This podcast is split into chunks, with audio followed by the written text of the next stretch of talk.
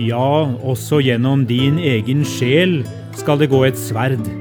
Slik skal de tankene mange bærer i hjertet, komme for dagen. Lukas 2, 35.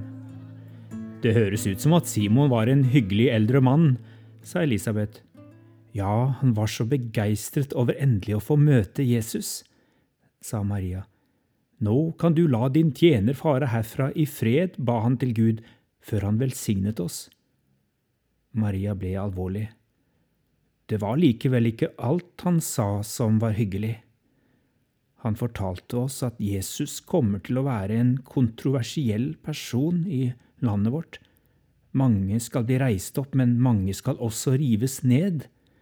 Mange skal være uenige med ham, og så satte han øynene sine i meg og sa, Også gjennom din sjel skal det gå et sverd. Hva tror du han mente med det, Elisabeth?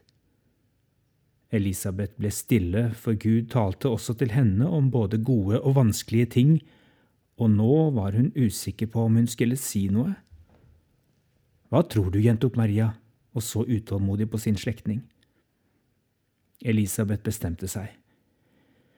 Maria, jeg tror du og jeg er mødre som har fått oppleve stor og ufortjent glede. Men det kommer dager da sorg skal ramme oss som sverd gjennom vår sjel. Også da må vi holde fast på Guds løfter om at Han tross alt har gode tanker for oss.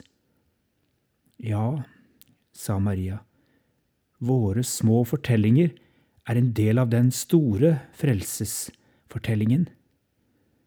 Simon trøstet oss med det.